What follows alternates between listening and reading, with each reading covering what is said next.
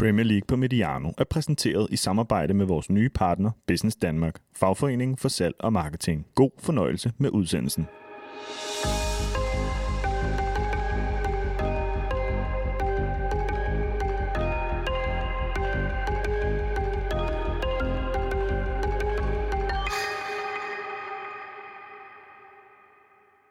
Andreas Christensen er en af de største profiler lige nu på det danske landshold. Og siden Thomas Tuchel er kommet til Chelsea, jamen der er danskeren også blevet vigtigere og vigtigere for sin klub. I denne udsendelse, der tager vi et grundigere kig på AC's udvikling fra to år i Bundesligaen hos Borussia Mönchengladbach til fire fulde sæsoner i Chelsea med fire forskellige managere. Mit navn er Alex Mugjort, og du lytter til en Andreas Christensen special. I dag, der taler jeg med journalist Simon Johnson fra England. Han arbejder til daglig hos The Athletic og har dækket Chelsea siden årtusindskiftet.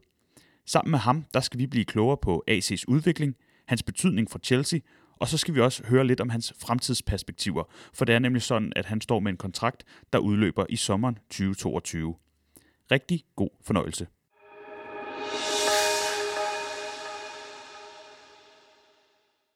Simon, welcome to Mediano and thank you so much for your time. My pleasure. Glad to be here. So, of course, we're going to talk about uh, Andreas Christensen today. You know a lot about him. You've covered Chelsea for, for a long time. And uh, but we should address uh, just before we start that you have a bit of a cough going. So if there are is some uh, cough interference, we try to keep it at a minimum. But uh, we'll do the best we can. Yeah, and I'll try to keep it at a minimum myself. so between us, we'll make this work. Yes. So to start this interview, I would like to go back to the beginning of Andreas Christensen's Chelsea career. He arrived on a free transfer from Brøndby in the summer of 2012, and then he made his official debut for the for the first team a couple of years later. And the same season, the 2014-2015 season, he also made his Premier League debut on the last day of the league against Sunderland. And then the following season, he was loaned out to Gladbach. So I wanted to know, firstly, how was his talent regarded in the early years at Chelsea? Oh, I think from a very early stage, um, Chelsea had very high hopes for him. Um, there was a big reason why they made such an effort to get him in the first place. Um, he was wanted by a number of um, other top European clubs. Um, but from my understanding, what what really sort of won um, and and sort of convinced Andreas to make the move was that the personal touch that the the academy made. They they made sort of great. They weren't just sort of selling um, Chelsea and and sort of talking to him as a footballer. They were talking about him as a person as well and how they would look after him. Hmm. Um, but but very early on, you know, it was clearly he stood out. Of course, he had a long, long way to go. Um, as any young young player at Chelsea has faced that that those obstacles but it, it, he made a very good early impression. Um, that you know you got you got sort of senior players taking note of what he was able to do with the football. Because he he, he wasn't just a centre half or isn't just a centre half um not talking past tense here he's maintained this that that he's not that traditional english physical presence. He plays with a very smooth style, um, winning the ball um, without sort of necessarily having to go to ground um, and carrying it out from the back. So Chelsea had high hopes for him, but as always, it's about development and whether he can he could sort of maintain a high level over a number of years, and that's where this loan in particular was was key for him because he had to go and prove himself away from Chelsea to um, to really sort of prove that he was good enough for the first team. Hmm. They do do that a lot, Chelsea. They loan a lot of players out. Uh, but yeah, his his talent at the time was he considered like a greater talent than most, or was he a talent, oh, yeah. a great talent amongst many? I mean, Chelsea have had a, a, ridiculous array of talented youngsters, but he was always earmarked as as a potential first teamer um, from a very early point. Um, but there's one thing, sort of earmarking a player for, you know, it's happened many, many times. They've they've the academy has thought, yeah, we've got something special here. There's one one thing, sort of having a player potential. it, it's it, it can be very difficult to cross that line. But I think what is significant about Andreas is, of course, we've seen a, a lot of youngsters uh, make the step up in the last sort of 18 months, two years. Um, and whilst those players are undoubtedly talented, there was an element of being in the right place at the right time because of Chelsea's transfer ban that kicked in, and, and also Frank Lampard being the manager. Mm. What is so impressive about Andreas is is he made the breakthrough bef- regardless. Um, he didn't need a transfer ban. He didn't need a, a youth sympathetic coach to come in, um, which is a testament to how good he is um, because he made the breakthrough a few years earlier. Um, and I think some Chelsea fans al- almost forget because Andreas has been around so long, they almost forget, I think, that he is a youth product.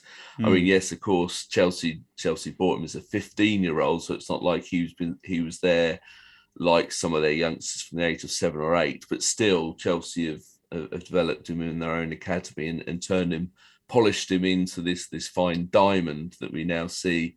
Uh, a guy at 25 who is one of the best centre halves in the in Europe, you'd have to say. Mm. And before he got his his first breakthrough at Chelsea, because I would argue he he's had a second here recently, he got his breakthrough breakthrough in Germany at Borussia yeah. Mönchengladbach.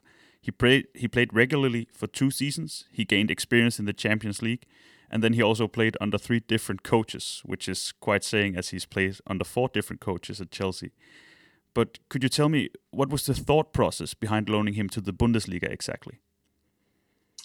Well, I think with with Chelsea, there's it's it's not sort of essentially, um, oh, we will send him to a specific league. I think there's there's like whenever there's a loan player, there's a number of discussions that take place. Of course, a number of clubs are are expressing interest, and it will just sort of be sort of the club that that sort of fits the most. And I think Bush has sort of made um, a very convincing case. I think Chelsea also like to be convinced that when when a player is loaned somewhere that there, there's a, an assurance that they're going to play. Um, there's no point sending them somewhere that is facing a lot of competition. So Chelsea had those reassurances. I think Andreas uh, was obviously convinced himself that it was the right for him, right right move for him, and that certainly proved to be the case because he had two uh, very successful seasons there. Mm. And how how exactly did he improve in Germany? What did you see that that that showed you he's improved? Well, I mean, the the main the main thing is that he he played regular football at the high at, at a senior level. That was the biggest thing. He was able to convert what he was doing at Chelsea's uh, in Chelsea's youth teams into um, you know the top flight of a of a major European league, and look, the style of play that Borussia played definitely helped him. Um, it was his style of style of football, um, and he just looked. But he just generally just looked very, very assured with with the ball at his feet. Um, but the the main thing, and this is the sort of the anecdote I really want to sort of talk to you about, mm. is um, the loan technical coach Eddie Newton at, at the time someone I interviewed um, quite recently, earlier this year. Uh, and one of the anecdotes he told me about was um, when he went to watch Andreas play a Champions League game against Barcelona. And he said he, he had a ranking system. And Andreas Christensen is the only one he's ever given the, the highest mark to. Wow. Um, I think he saw, I think he, I think the highest mark was four and he sat there, watched the game, and he, he thought at the time, this, this is unbelievable. Look, and and I think and, and Borussia lost. You know, it's not like um, won the game. Um, but he sat he sat there and he he said to me, he goes, even on the way home uh, or back to his hotel, he was he was thinking to himself, can I think of any possible reason to not mark him? Uh, the highest number. And he was trying to think of every single, you know, he was really wrestling with it because he was quite reluctant to break this trend of not giving anyone the highest mark. I think because he wanted to really respect that this high mark is absolute excellence. But he he just went, no, try as I might, I cannot I cannot give him a lower mark than than a four. And I asked him, I said, well, well why? And he said he said that he never went to ground. He, he won the ball. He was always in the right place at the right time. He said he made it look easy. And, and in many ways, he said what made him so special is that you almost didn't notice him um, because everything was just so natural. So it just came so easily to him. And, and I think that that glowing report and, and sort of Eddie Newton's sort of um, championing of him what played a significant part in him being uh, recalled to Chelsea at, at, the end of that second year and, and sort of giving him a, a run in the senior squad because they'd seen enough uh, of what he could do at Borussia um, to, to, to warrant him that opportunity. Oh, amazing. That was actually my next question. Was he ever close to, to joining Gladbach uh, permanently, or was he ever close to, to joining someone else than Chelsea in that period? I don't think so. No, because um, uh, Borussia certainly would have loved to sign him permanently, but uh, unfortunately for them, Andreas played so well for them. it was like, well, there's no chance Chelsea are going to let him go. Um, now, um, from from what I understand as well, um, and and this is kind of uh, uh, significant. Um, Thomas Tuchel, um, who was in charge of Borussia Dortmund at the time, um, was also very keen um, to sign him. Um, but again, Chelsea were were very reluctant, or, or basically said no. Um, no, he, he's he's our player, and we want to develop him with us. So, um, so yeah, of course, Chelsea had offers, but they made it very clear that they wanted Andreas to be part of their future. Right, and Tuchel got him in the end, though. Yeah, yeah. It took him. It took him a few years, um, yeah. and he was the one that had to make the move.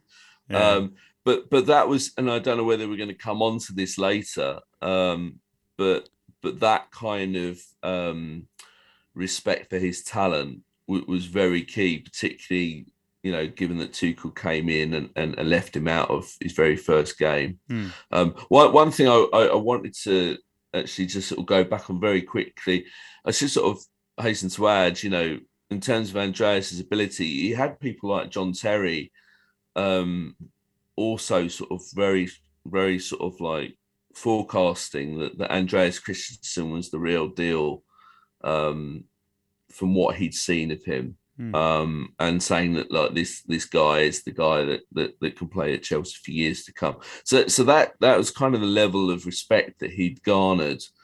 Um, you know, like Chelsea's let's be honest, um, best centre half mm. in their history um, and captain had, had had already seen something in Andreas um, to, to sort of see see someone that, that was capable of making it at Chelsea, which John had obviously gone through. Everyone had gone on about the fact that that John was the last sort of major player to come through the academy for a number of years and yes, there'd been the odd one or two that had had a run of games at occasion, but you, here you had sort of like one academy graduate, Chelsea's greatest ever uh, academy graduate, seeing something in Andreas uh, from a during his teenage years to sort of it, it, tip him to do exactly the same thing as he did. Right.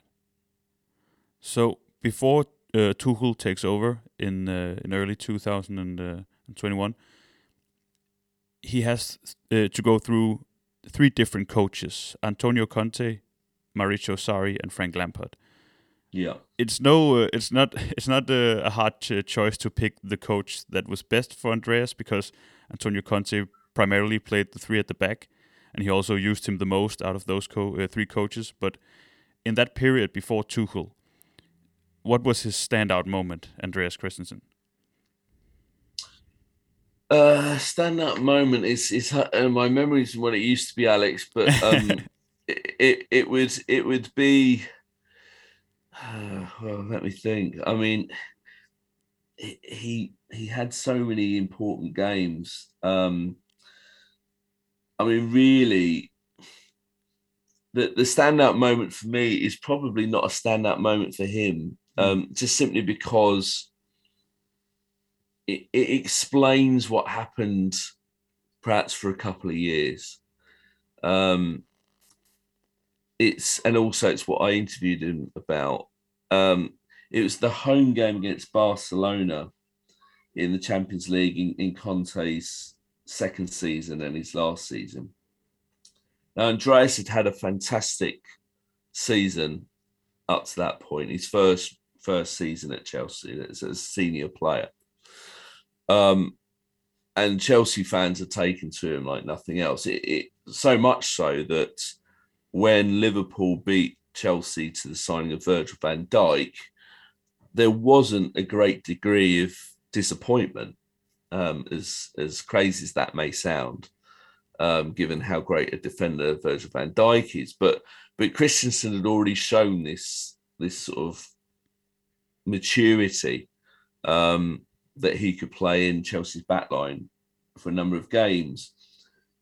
And then it came to this Barcelona game, and and Chelsea were one 0 up um, with I think I know about ten minutes to go, and out of nowhere, Andreas made his only sort of notable mistake, I think, of, of that season, um, where he passed the ball across his own penalty area.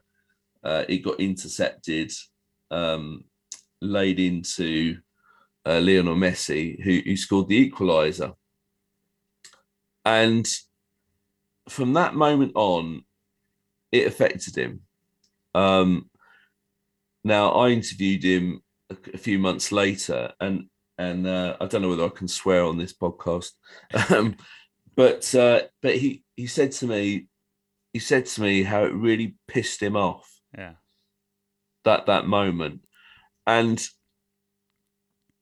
it, it the reason why I picked this out not only is a moment I remember, it may sound like I've picked out a negative, but I think in a way it's a testament to his character that okay, it's it's taken him a few years to not only sort of recover his best form and and exceed it, um, but it was that moment that that that again reflected Chelsea fans that they sort of they sort of would always use that mistake as it as as as something a stick to beat him with. Hmm. Like when whenever he made any mistake in the in the few seasons after that, the Barcelona game was what people remembered. They go, "Oh, he's never been the same since the Barcelona games."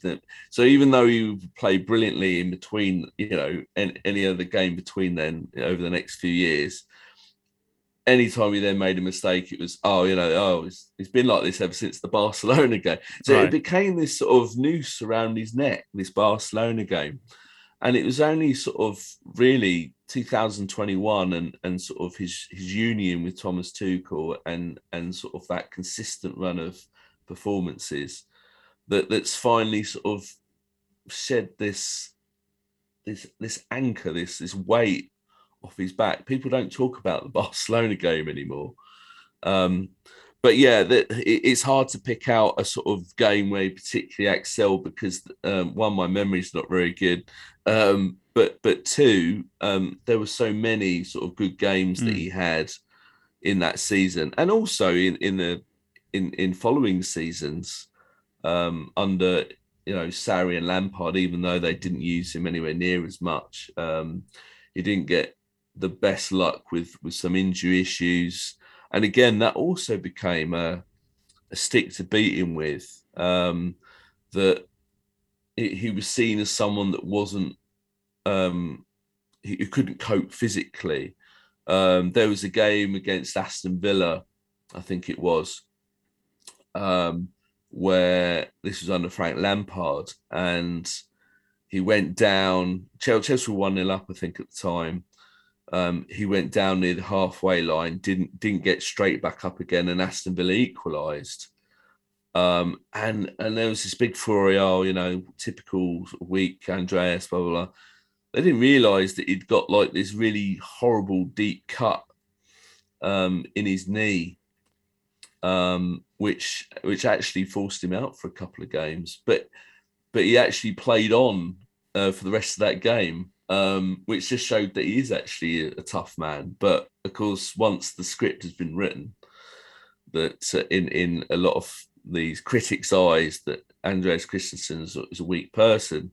Hmm. Um, they didn't sort of take notice of the fact that he was actually genuinely injured. It was just, oh, you know, this is another sign of his weakness. So, so I've just rambled on there for a few minutes, but uh, that's great. That's what yeah. we're here for. So, after this period of three different coaches in three years, then then in comes Thomas Tuchel, and mm. he steps in. He he makes uh, Andreas one at least after some time one of his main men. He doesn't start the Champions League final, but he does get subbed on in, in the first half because of an injury to uh, to Thiago Silva. And in this season, the current season, he's featured in every league game bar two, where he's been, I would say, rested after a Champions League game in midweek. Um, how has Tuchel helped Andreas' development? Well, I'd say the main thing, or one of the one of the main things, obviously the switching switching to a back three um, is a position that that he likes, but it's the fact that Andreas has felt the faith or felt the trust in him again. Um, he didn't feel that under Sarri. He certainly didn't feel it under Frank Lampard. That he had that, yes, you're my guy kind of feeling. Um, and and this is one of the gifts that Thomas Tuchel has. He's he's a very good man manager. Um, and so whereas Lampard didn't really speak to him uh, and explain whenever he left him out, and I don't think Sarri did it either. Um, Tuchel, the very first time he did it, which was the, his opening game, and you can imagine how it felt. In comes a new manager, first game, he wasn't even in the squad. How Andreas may have been thinking, "Oh no, here we go again." Um, but Tuchel actually went, pulled him to one side, explains his decision, um, and said, "Look, you know, I've had a very short amount of time to to figure out you know what team I'm going to pick. You got to remember it was a is a very quick appointment after mm. after Lampard was sacked. Um, don't worry, you know you you will get your chance. And and I again I, I I asked Andreas about this a few months later. Um, and he said it, it was one of the best things that could have happened. He said if if if I hadn't been spoken to in that manner, um, he said I, I, I would have probably got a bit depressed mm. about about the situation. Um, but instead, he was like, "All oh, right, instantly, I've, I've I've got this line of communication." Um, and yeah, and I, I think there was an element of, I wouldn't say fortune's perhaps the wrong word, but Thiago Silva also quite early on got an injury. I, I think it was about three weeks, three weeks into Tuchel's reign, and I think that also helped because it, it meant that whilst Tuchel was going to play, and I think he'd already played Christensen by this point, but he had to give him a run of games. And I just think the combination of this, this the, the formation, a manager that backs him, plus the opportunity to to get a run of games into his body, because that's the other thing. There were so many times where he'd be he'd play a game here, then a game there, game here, game there, not this sort of 10 games in a row. And I don't think people appreciate how difficult that can be for a footballer, that, that, that inability to get into a rhythm, not only mentally, but physically, because your body's not used to not used to that sort of um, drain on your body. Yeah, it's already well sort of training on a regular basis, but but playing games um, does take its toll physically, and you, you need to get in that rhythm to cope with it. And I just think all these factors um, just helped. Um, and then finally, it, it, just made it just his confidence then just came out. Hmm. Um, and perhaps knowing again, referring back to the answer I gave before, that that that Tuchel wanted to sign him a few years before, he, he just knew that this was a guy that that wanted him to be at the football club and wanted him to be part of the team, and that that in itself, um, you know, that that's gold. Right. How how important has Andreas become for this Chelsea team? Is he, is he like Massive. one of the first uh, players on the team sheet? For sure. I mean, you only have to look at this season where he's played more than Thiago Silva, um, which is a significant boost in itself because Thiago Silva is a, is is top class even at the age of 37. Right. I mean, yeah, there's been there's been some mitigating circumstances. You know, Thiago Silva had had had sort of a delayed uh, return to camp um, because of his exploits at the Copa America. Um, but Andreas, I think, has been playing on merit. Um, and even then, even when Thiago Silva has has started in the in, in the middle, as we saw against Juventus, um, not that it was a great game as far as Chelsea was concerned, but Christensen played to the right of Thiago Silva. Hmm. Um, so yeah, he is one of the the main guys in that back three, um, and this is why Chelsea have been desperately trying to to get him to sign an extension to his contract. He's he's out contract to the end of the season.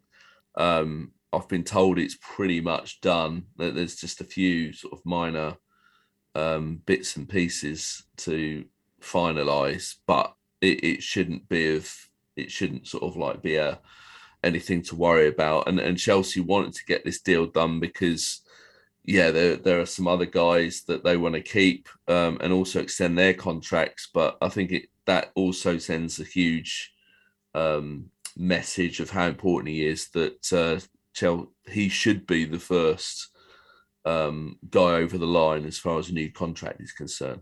Hmm. You, you actually uh, took took uh, exactly what I was going to ask, ask, about now because Chelsea have this, this this quite unique situation, I would say, with the with the contracts expiring because it's not only Andreas, it's also Antonio Rudiger, Thiago Silva, and Cesar Azpilicueta, all defenders. Yeah. Um, yeah. So, as you said, it was the most important thing was to to extend Andreas first, and then what are they going to do now? They also had Julius Koundé from Sevilla linked this summer. Is is one of the other three going to go? Are they going to uh, extend all the other three as well, and then bring in a player like Julius Koundé for for competition? Or well, also don't forget that um, a, a, spanner in the works has, has, also been added to do with uh, Trevoh Chalobah's um, remarkable um, adaptation to the to the senior squad. No one saw this coming. Uh, uh he, he, well, in that he's a very talented uh, academy player, but if you'd spoken to any Chelsea journalists, sort of bef- even during pre-season, um, none of us expected Chalobah to be part of the senior squad. Um, he was on he was on loan a couple of years ago at Huddersfield, uh, and then he was on loan in in Lorient last season. Uh, did reasonably well, but didn't didn't not enough to one suspected to, to make this huge step up. So there is that stumbling block. Yes, um, but getting back to the point, yeah, there is this unusual situation. You, you would suspect that Thiago Silva. Well, I certainly thought that this would be Thiago Silva's last season at the club, just because because because of his age. But at the same time, he's playing so well now. One can't rule out him signing another extension for a year. But that's something that won't be discussed until the end of the season, or, or much closer to the end of the season. Um, I think they'll be waiting to see um, how the how the campaign goes. Uh, it'll also be up to sort of what Thiago Silva wants to do. Um, Azpilicueta, I, I, think he will be given a new deal at some point. There's, they're, they're, probably quite relaxed about his situation, given he's the captain.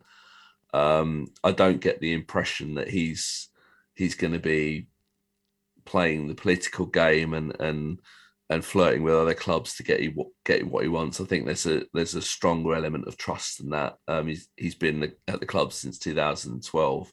Um, so this has been his home. So the the the real worry uh, from Chelsea's point of view is Antonio Rudiger, um, who they have um, been trying to negotiate a new deal with for a while.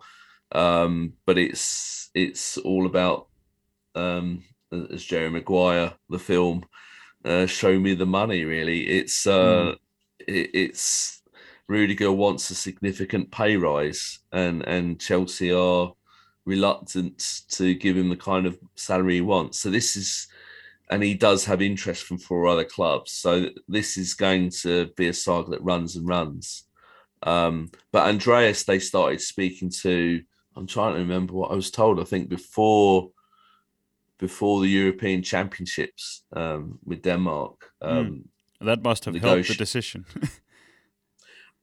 well, yeah, exactly. I mean, he had a phenomenal tournament um, and also showed that he can score a goal, uh, which is the only thing that he hasn't proved he can do in a Chelsea shirt. Um, um, yeah, he really needs to work on his goal scoring ability. You know, because the centre back, you know, need, should should weigh in with uh, a few goals a season, and then of course, Andreas Andreas doesn't seem to. Um, yeah, I haven't certainly I haven't seen him hit 30, 35 yarders like he did for Denmark. Um, uh, what a phenomenal goal that was! But yeah, yeah um, it, it really has changed around for him uh, in the court of public opinion uh, Chelsea fans, uh, you only have to go on social media and Twitter. They, they revel in the, in calling him the Danish Maldini. Mm. Um, it's uh, it, it's a fantastic story, and and Chelsea certainly sort of see see him being a, a long term, you know, stalwart of, of that backline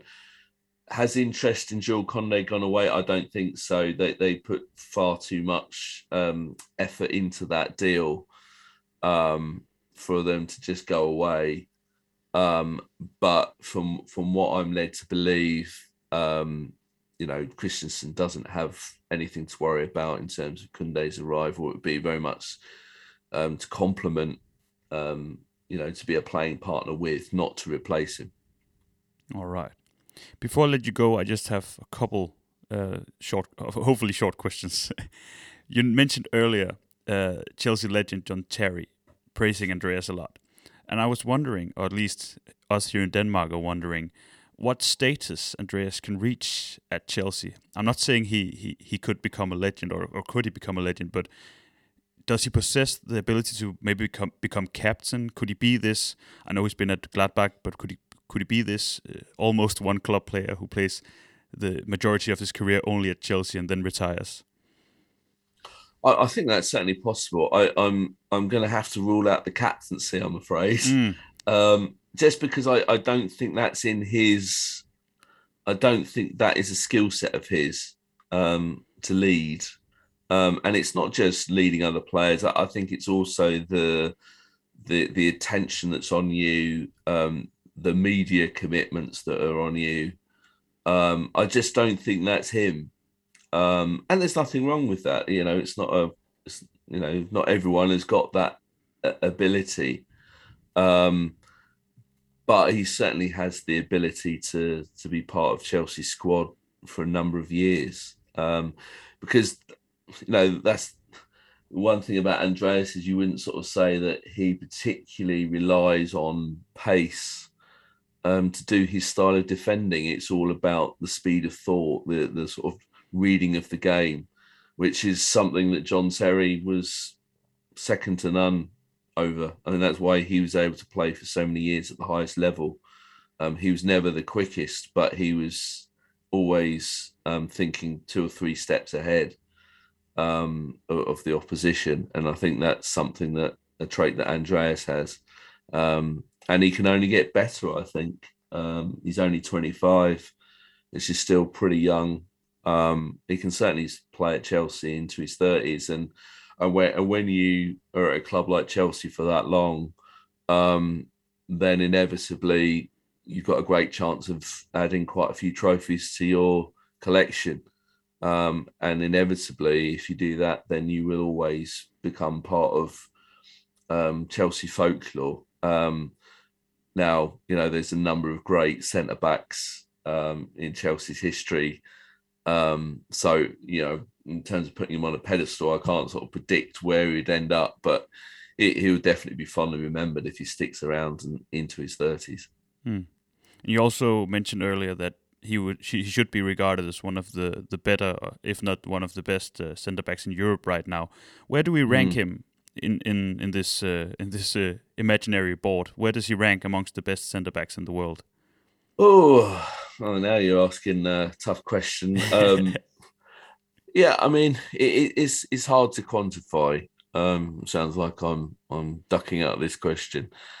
Um, you know, people people will sort of set the benchmark at, at Virgil van Dijk, won't they? Um, he sort of at the moment seems to be regarded as as the best um, in in the game right now, um, and I think one of the reasons for that is, is that he he not only has the the reading of the game, but it's that physical presence, um, something that you know there's not, unfortunately Andreas can't do anything about. He's not that kind of you'll never have that kind of frame. But I'd say I'd perhaps the best way to quantify it is how much would he cost if you know he, if he if he did if he was up for sale? Hmm.